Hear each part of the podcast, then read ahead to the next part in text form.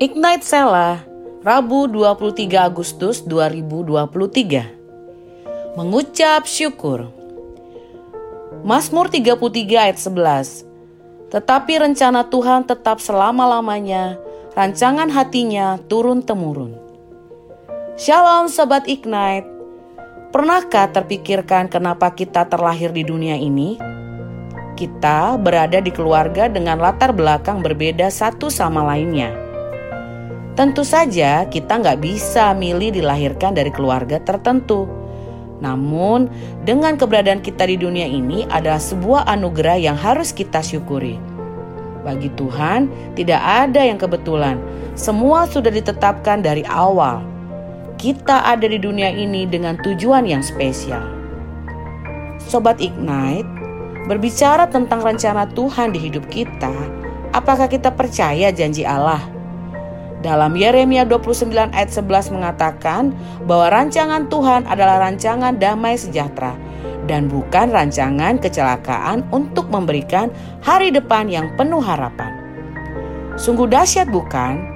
Satu hal yang harus kita pegang adalah Tuhan setia dengan janjinya dari dulu, sekarang, dan selama-lamanya.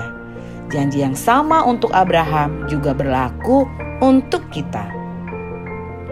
Seberat apa pun hidup kita, bahkan sepertinya masa depan terlihat suram, Tuhan tetap baik dan Dia mengasihi kita. Tuhan membentuk kita anak-anaknya untuk tahan uji, bukan anak-anak yang gampangan. Dia tidak sekali-kali meninggalkan kita, tetapi menyertai setiap langkah kita. Asalkan kita tetap setia dan percaya kepada Tuhan. Untuk itu, marilah kita mensyukuri segala hal dalam hidup kita. Karena semuanya adalah kasih karunia yang diberikan kepada kita anak-anaknya. Syukuri setiap hari baru yang Tuhan berikan dan lihat kemurahan Tuhan yang tiada habisnya. Mari ceritakan semua kebaikan Tuhan yang kita alami kepada setiap orang yang kita temui agar nama Tuhan dipermuliakan more smiling, less worrying, more compassion, less judgment, more blessed, less stress, more love, less hate.